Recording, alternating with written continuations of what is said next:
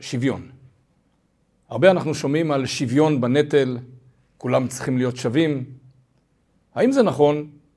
האם זה נכון שכולנו נועדנו להיות שווים לעשות את אותו דבר? או שיש לכל אחד ייחודיות? בואו נתחיל כהרגלנו בסיפור, ונתקדם אחר כך לראות איך בפרשת השבוע בעצם מדובר על אותו עניין בדיוק. היה יהודי בניו יורק בשם הרב לפקוביץ'. יהודי רב גדול, בעל השפעה, עם קהילה מאוד גדולה. בערוב ימיו הוא החליט לעלות לארץ, וקבע את מקום מגוריו בבני ברק. לאחר תקופה הגיע בנו של הרב לפקוביץ' לבקר אצל הרבי מלובביץ'. נכנס למה שנקרא אצל חסידים יחידות. כלומר, הוא נכנס לחדר ודיבר באופן אישי עם הרבי. הרבי מאוד התעניין מה שלום אבא שלו. אז הוא אמר, אבא עלה לארץ, והוא גר בבני ברק. הרבי לא היה שבע רצון מהאמירה הזאת. ואמר משפט כזה, בבני ברק, אבא שלך יהיה עוד יהודי עם זקן. כלומר, הוא לא ימצה את יכולת ההשפעה שלו ואת יכולת ההדרכה שלו לכל כך הרבה אנשים שהוא היה רגיל. הוא יהפוך להיות אדם מהשורה, כמו הרבה אנשים בבני ברק, שנראים פחות או יותר אותו דבר, וזה מקטין מאוד את המסוגלות שלו ואת היכולת שלו להשפיע על כל כך הרבה אנשים. והבן שלו אכן חזר אחר כך לארץ, והיה בביקור אצל אבא בבני ברק, ואמר שהוא הרגיש בדיוק את מה שהרבי אמר. אבא לא שבע רצון מזה. ואבא מרגיש באמת עוד יהודי עם זקן בבני ברק. מה אפשר ללמוד מהסיפור הזה? ולחדד אצל כולנו את תחושת השליחות במה שאנחנו עושים. אדם הראשון, אנחנו כולנו יודעים, נברא יחידי. הוא לא נברא בקבוצה. הוא נברא כאינדיבידואל. חז"ל אומרים, לפיכך נברא אדם יחידי, לומר לך כל המקיים נפש אחת מישראל, כאילו קיים עולם מלא. כל אדם הוא עולם מלא. כל אדם יש לו ייחודיות ויכולת השפעה בתחומו. זה כבר בחירה אישית של האדם, האם הוא ינצל את כל הכישרונות שלו לטובת עשייה, למען עצמו, למען משפחתו, למען הזולת, למען הסביבה כולה, או שהוא יהיה רדום עם הכישורים שלו ולא יביא אותם לידי ביטוי. זה ודאי שכל אדם הוא ייחודי בכישורים שלו, ביכולות שלו, ובאופן שהוא מביא את הכישורים האלה לידי ביטוי. כל המקיים נפש אחת מישראל, כאילו קיים עולם מלא. בעצם כל אדם הוא עולם מלא עם מגוון ענק ומנעד רחב מאוד של כישורים ויכולות ומידות ושכל והרגשות ומחשבה, דיבור ומעשה למען עצמו, למען משפחתו ולמען הזולת. חז"ל הגדירו את זה יפה, כשם שאין פרצופיהם שווים, כך הן דעותיהם שוות. לא נבראנו בעלי אותו פרצוף, בעלי אותה צורה. לכל אדם יש פרצוף ייחודי משלו. וכמו שזה בגשמיות הדברים, שלכל אדם יש פרצוף משלו, ככה גם ביכולת הנתינה שלו לעולם, יכולת העשייה שלו, הן פנימה והן החוצה, כל אדם הוא שונה. מאז בריאת העולם ועד היום, אין אף אדם שהוא העתק של האדם הקודם. גם ילדים שהם נראים כלפי חוץ, דומים מאוד להוריהם, או לאבא או לאימא, תמיד לילד יש ייחודיות. הן בנראות שלו כלפי חוץ, והן במי הוא כלפי פנים. כל אדם הוא ייחודי, לכל אדם יש יכולת אחרת לבטאות את עצמו, גם פנימה וגם החוצה. אוקיי, אז יש לי יכולות, יש לי פוטנציאל. מי אומר שאני צריך להביא אותו לידי מימוש? מי אומר שאני חייב לעשות עם זה משהו? אלוקים נתן לנו מתנה. מתנה לחיים. המתנה הזאת קוראים לה חיים. המתנה הזאת מורכבת מאין ספור פרטים קטנים שמרכיבים את האישיות של כל אחד מאיתנו, ועם המתנה הזאת אלוקים מצפה מאיתנו לעשות רק דברים טובים. בואו ניקח דוגמה אדם עם טמפרמנט סוער, מה שנקרא בשפת התניא יסוד האש. יש בו אש בתוכו שבוערת. מה הוא עושה עם יסוד האש שבתוכו? זאת כבר ההחלטה שלו. האם בעקבות זה שיש לו טמפרמנט סוער, הוא יריב עם כולם, הוא יכעס על כולם, הוא יהיה טיפוס עצבני, טיפוס דליק, מה שנקרא? או שהוא ייקח את היסוד הזה שבתוכו, יכווין אותו למקומות חיוביים, ילהיב את הסביבה, יסחוף אחריו עוד אנשים לכיוונים חיוביים, ויעשה עם זה דברים לטובת הכלל, הן לטובת עצמו והן לטובת הכלל. גם אש גשמית. אש יכולה לשרוף את כל הבית, ואש במינון נכון, מתחת סיר שיש בו ירקות ומים וכולי, יכולה לעשות מרק. אז אין חיובי ושלילי. כל הנתונים שניתנו בנו הם נתונים שבעצם מחכים לראות איך אנחנו נביא אותם לידי מימוש. וישנם כמה צורות שאנחנו יכולים להתייחס לנתונים האלה שהם מתנת שמיים. ההסתכלות הכי גרועה היא לקחת את הנתונים האלה ולהפוך אותם למשהו שלילי, כמו שנתנו דוגמה באש. או הטיפוס מיסוד האפר, הטיפוס העצל, העצוב, היורד כלפי מטה, הדיכאוני. זאת בחירה לקחת את יסוד האפר בנפש ולהפוך אותו ליסוד דיכאוני או שפל, ירוד, נמוך ושואף לכלום. או שאנחנו ניקח את אותו יסוד עצמו ונהפוך אותו למשהו פרודקטיבי, במובן של ענווה. כשאדם הוא ענוותן, לא סמרטוט, אלא ענוותן, כלומר יודע שהכל מתנת שמיים ולא מתגאה, אז הוא לקח את אותו יסוד שבנפש שלו, ששנייה לפני זה יכל להיות הרסני, לקח ועשה ממנו משהו חיובי. אז הדבר הראשון זה לא לתת את זה חס ושלום לשלילה, לכיוונים השליליים. אבל יש מצב שהאדם פשוט לא עושה שום דבר עם הכישרונות שלו. שום דבר עם היכולות שלו. הוא ניחן בהרבה דברים, כי לא יכול להיות אחרת, כי כל אדם ניחן בכישרונות. הוא פשוט לא עושה עם זה כלום. הוא לא מממש את זה. וישנו מצב שלישי, שעליו אנחנו מתמקדים בשיעור הזה, שבו לאדם יש חשיבה, הכישורים שלי, אני רוצה שהם יהיו הכישורים של כולם. הביצועים או היכולות או המימוש של הכישרון שלי, אני רוצה שהוא יהיה נחלת הכל. משום מה, אני חושב שהערכים שאני מסתכל עליהם כחיוניים, כהכרחיים, כמוכרחים לטובת כלל ישראל, ניקח את זה במקום הכי גבוה שיש. הצלת נפשות. אני רוצה שכולם יממשו את הכישורים שלהם לטובת אותו רעיון שאני חושב שהוא הכרחי. אני בעצם רוצה שכולם יהיו דומים לי. אני רוצה שכולם יראו אותו דבר, יעשו אותו דבר, אולי אפילו יחשבו אותו דבר. למה לא? למה שלא ניקח את זה לקיצוניות הזאת? ונגרום לכולם לחשוב אותו דבר? יכול להיות שיש אנשים שחושבים ככה. יכול להיות שיש אנשים שרוצים להנדס את התודעה של כולם, שכולם יחשבו כמוהם. אבל חז"ל הגדירו את זה. אין פרצופיהם שווים, זה לא בחינם. זה לומר לך שכל אדם הוא עולם מלא בשביל עצמו. כל אדם הוא אדם אחר, וכל אדם מביא את היכולות שלו לידי ביטוי בצורה אחרת. זאת לא טעות, זה מכוון כך. דמיינו לעצמכם עולם עם פרחים לבנים, רק לבנים. יותר מזה, עולם עם בתים לבנים, פרחים לבנים, שמיים לבנים, הכל הכל לבן. משעמם. לא יצירתי. לא עושה נעים בעין. דמיינו לעצמכם עולם כשהכול אדום, שוב אותו דבר. הגוונים בעולם יוצרים מתיקות, יוצרים יופי. הגוונים בעם ישראל יוצרים את היכולת של כל אחד לבוא לידי ביטוי בתחומו הוא. בעולם עצמו אנחנו מכירים את המושג שרשרת מזון. הצומח ניזון מהאדמה. החי ניזון מהצומח. האדם ניזון מהחי. כשאדם מת, גופו הופך להיות חלק מהאדמה, וחוזר חלילה כל הזמן אחד נותן לשני. בלי לחשוב על זה יותר מדי, ובלי שכל אחד מכל חלקי הבריאה כיוון שהוא האוכל של המין הבא מעליו. כך ברא בורא העולם את העולם, שיש אינטראקציה תמידית בין כל החלקים, והם ניזונים אחד מהשני. כך ברא הבורא את מין המדבר.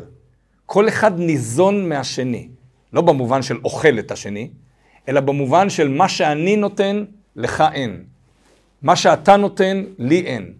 מה שמיליארדי בני אדם נותנים, אם כל אחד נותן את הגוון שלו לטובת הבריאה, הבריאה הופכת להיות מושלמת. אבל אם כל אחד רק מסתגר בתוך עצמו, ומתעקש להגיד שהגוון היחידי הצודק הוא הגוון שלו, ושכולם ייתנו רק את הגוון שלו, הוא הופך את הבריאה לבריאה משעממת, הוא הופך את הבריאה לבריאה לא יצירתית, הוא בעצם ממית את הבריאה. הוא בעצם קובר את הבריאה במקום שלה, כי הבריאה דורכת במקום ולא מתקדמת לשום דבר. אין יופי, אין שמחה, אין עונג, כי עונג ושמחה נוצרים ממורכבות של כל מיני דברים ביחד, מפאזל שלם שמשלים אחד את השני. בואו נחזור מתוך כל הדיבורים האלה לפרשת השבוע, פרשת קורח, אבל לפני זה, נבקש מכם, מי שעוד לא עשה מנוי, מוזמן לעשות מנוי בערוץ היוטיוב שלנו, מוזמן לשתף, לעשות לייקים, וגם השיעור הזה נמצא כולו בספוטיפיי. אז מזה אנחנו חוזרים לפרשת השבוע. פרשת השבוע, פרשת קורח, מדברת על המחלוקת הידועה של קורח וכל עדתו כנגד משה, כנגד אהרון, כנגד המינויים הכאילו שרירותיים של משה את עצמו כמנהיג, כמלך, ואת אהרון ככהן גדול, וקורח משתמש בביטוי שאליו אנחנו רוצים להתמקד. כי כל העדה כולם קדושים ובתוכם השם, ומדוע תתנסו על קהל השם. אני רוצה, אומר קורח, אני רוצה שוויון. אני רוצה שכולם יעשו אותו דבר. כולנו קדושים, כולנו היינו במתן תורה, במקרה של קורח כולנו משבט לוי, קורח בעצמו היה אה, מנושאי כלי המקדש, אדם בעל מעמד, לפי חז"ל אדם בן 130, זקן, תלמיד חכם, כולנו קדושים, כולנו בעלי אותו מעמד. אני לא צריך מלך, כהן גדול, או מישהו שידריך אותי, שיעשה משהו יותר ממני, אני רוצה שכולם יעשו כמוני. אני רוצה לעשות גם בעצמי כמו כולם. מה עונה לו משה רבנו? בוקר ויודע השם את אשר לו. הקדוש ברוך הוא יודיע לכולם במי הוא חפץ. כמו שיש מגבלות, כמו שיש תחומים, בין יום לבין לילה. ובשלב מסוים נגמר היום, מתחיל הלילה. בשלב אחר נגמר הלילה, מתחיל היום. כך יש תחומים בין אדם לחברו. לא אנחנו קבענו את התחומים האלה, ריבונו של עולם, הוא קבע את התחומים האלה. והוא יודיע. ובאמת האדמה פצתה את פיה, בלה את קורח ואת כל אשר לא, וכולם הבינו שאכן הקדוש ברוך הוא החליט שמשה ואהרון הם הנציגים שלו, הוא המנהיג, הוא הכהן גדול. מה טוען קורח בעצם? תנו לי שוויון להכל. מה התשובה האלוקית? אין כזה דבר. להגיד משפט כזה זה לקבור את כולם בתוך האדמה. זה בעצם לא לתת לאף אחד יכולת ביטוי. אתה, קורח, נועדת להיות קורח, לא נועדת להיות מישהו אחר. לא יותר גדול וגם לא יותר קטן. לנסות להיות משהו אחר, או להשוות את כולם אליך, ולהפוך את כולם למקשה אחת, זה חטא לבריאה, זה חטא לאלוקים. זה חסר גדול בתוך העולם, זה כאילו חשיבה שוויונית, זה כאילו מטבע לשון שהוא מאוד יפה ומאוד אה, בומבסטי, ואפשר לדבר עליו גבוהה גבוהה, אבל למעשה, כשמתבוננים בתוכן של הדבר, זה סירוס של כל המושג בריאה. עכשיו מכל זה, בואו נחזור למטבע הלשון השחוק הזה שנשמע בתקשורת כל הזמן, שוויון בנטל. עם ישראל הוא פסיפס, הוא מורכב מהמון המון חלקים. מאז היווצרותו כעם, דרך הזמן של דוד המלך, והלאה והלאה והלאה. תמיד היה בעם ישראל את אלה שאחזו בחרב ונלחמו, ואת אלה שלמדו תורה. היוקר והחשיבות של שניהם היא בדיוק באותה מידה, מתוך מחשבה אחת. אני תורם לעם ישראל את מה שאני יכול לתת. אם אני נמצא בפוזיציה כזאת, שאני תלמיד ישיבה, אז לטובת עם ישראל אני צריך לשקוד על התורה, כי התורה מגנה ומצלה, מגינה ומצילה את כל עם ישראל. דרך אגב, זה לא דבר פשוט, זה לא דבר קל. זה נשמע כאילו לשבת באיזשהו מקום, לפתוח ספר, לשלב רגליים ולהעביר את הזמן. ממש לא. זה לשבת ולהגות בתורה מהשעות המוקדמות של הבוקר ועד השעות המאוחרות של הלילה, לפעמים כמעט בלי הפסקות, אלא ההפסקות ההכרחיות. וזה להגות בתורה, להפעיל את הראש, להתמיד במשך שנים. בהרבה מקרים, הרבה יותר מאשר השנים שהבחור הממוצע נותן לטובת הגנת עם ישראל במסגרת צבא הגנה לישראל. וכנגדם, יש כאלה שבחרו לתרום לעם ישראל את חלקם, במקום דרך הספרה, דרך הספר, דרך הסייפה, דרך החרב, דרך ההגנה. אבל אפילו בתוך צבא הגנה לישראל, ישנם רמות שונות של התנדבות. אחד מתנדב בחדר ממוזג מול מסך מחשב, והוא תורם המון למען הגנת עם ישראל, ואחד, מה שנקרא, רץ על הג'בלאות. ומגן, ושוכב במערבים. הכל מצוין, הכל טוב ויפה, אבל הכל טוב ויפה.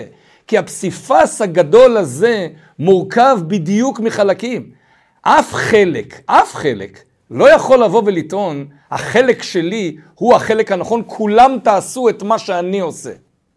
לא נועדנו כולנו לעשות את אותו דבר. זאת המכשלה. פה המכשול הגדול, וזה יוצר את כל החילוקי דעות.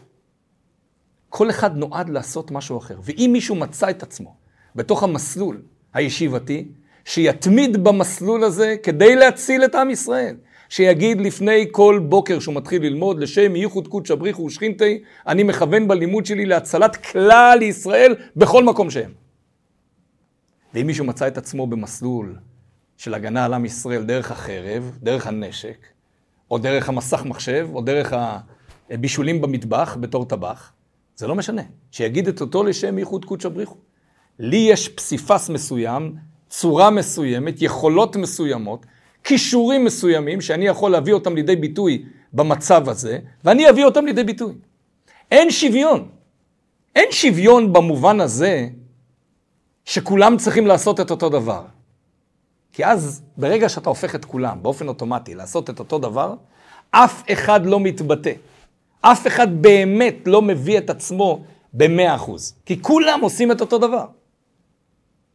ואז אתה משאיר חלקים ריקים, שלא נתת לאנשים להתבטאות, לא נתת לאנשים את היכולת להשפיע במקום שהם כל כך טובים, כי הכרחת אותם לעשות משהו אחר. חייל עם פרופיל נמוך, שאתה תיקח אותו באוזניים ותתחיל להריץ אותו לג'בלאות, אז אתה תריץ ותריץ ותריץ ותריץ, או ביום הדין לא תפיק מזה שום דבר, כי הוא לא בר ביצוע של הדברים האלה. אז מה נעשה איתו? אז תיקח אותו ותברר באופן מעמיק מה כן הכישורים שהוא יכול לתת, ותנצל את הכישורים האלה. וזה אותו דבר בכל התחומים. כל העדה כולם קדושים ובתוכם השם, מדוע תתנסו על קהל השם? אף אחד לא צריך לעשות שום דבר חוץ ממה שכולנו עושים. לא נכון. לא לשם נועדנו. כשמוציאים את העוקץ מתוך כל השיח המתלהם, מגלים שבסוף כולנו משלימים פאזל גדול, פסיפס גדול. כשמבינים את זה, ורואים תמונה יותר כוללת מאשר בוא תעשה בדיוק מה שאני עושה, אז הציור נהיה יותר מובן, יותר גדול, יותר אלוקי, יותר עם מחשבה כוללת על כלל עם ישראל, איך מגינים עליו בכל החזיתות, בחזית הרוחנית ובחזית הגשמית. המדרש מספר על שני שומרים בפרדס. אחד היה עיוור ואחד היה פיסח, בלי שני רגליים. אמר הפיסח לעיוור, אני רואה פירות מאוד יפים בפרדס הזה. בוא נלך נקטוף אותם, נאכל אותם, תוך כדי השמירה שלנו. אמר העיוור לפיסח, אבל אני לא רואה. אמר הפיסח לעיוור, אין שום בעיה, אתה תרכיב אותי על הכתפיים שלך, אני לא הולך, אתה לא רואה. אתה תרכיב אותי על הכתפיים שלך, אני אגיד לך לאיפה ללכת, אנחנו נגיע למקומות עם הפירות הכי יפים ונקטוף אותם. כך עשו. העיוור הרכיב את הפיסח על הכתפיים, הלכו לפירות היפים וקטפו אותם, אכלו אותם. הגיע בעל הבית, הוא רואה שקטפו לו את הפירות. פונה לעיוור, אומר, למה כתבת את הפירות? אומר, אני? אני עיוור. אני לא יכול לכתוב פירות, אני לא יודע איפה הם. פונה לפיסח, אומר, למה כתבת פירות? אומר, אני? אני לא יכול ללכת לפירות, אני פיסח, אין לי רגליים. אה, הוא אמר, ככה, הרכיב את הפיסח על כתפיו של העיוור ונתן להם מכות. כך אומר המדרש, יש נשמה וגוף. באים לנשמה ביום הדין ואומרים, נשמה, למה חטאתי? אומרת, אני חטאתי? אני נשמה, אני רוחנית. איך אני יכולה לחטוא? באים לגוף, אומרים, גוף, למה חטאת? אומר, אני, אני, אין לי חיות משלי, אני רק גוף. בא הקדוש ברוך הוא ושם את הנשמה בתוך הגוף ומלכה אותם ביחד. אבל מה שאנחנו רוצים להגיד, לענייננו, זה שיש חלקים בעם ישראל שמשמרים את הנשמתיות של עם ישראל. יש חלקים בעם ישראל שמשמרים את הגוף של עם ישראל. להגיד זה חשוב או זה חשוב. למה להיכנס למקום הזה?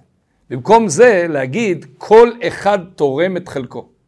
וכשאתה תורם את חלקך במחשבה כוללת על כלל ישראל, יש לך יותר הנאה, יש לך יותר הסתכלות גדולה, אתה מפיק הנאה מהמכלול שאתה נתת את מה שאתה, מה שאתה יכול, ואתה מזהה שכולם נותנים את הצבע שלהם, כל אחד את הצבע שלו, וממילא הפסיפס נהיה פסיפס שלם. נאחל לכולנו שיהיה לנו באמת אחדות אמיתית, שנחשוב לא רק מה אנחנו עושים וכמה אנחנו תורמים וכמה אנחנו משתדלים, אלא נסתכל גם הצידה, לימין ולשמאל, ונראה תרומות לא פחות חשובות בכלל ישראל, ונזכה בעזרת השם לגאולה השלמה במהרה בימינו, אמן.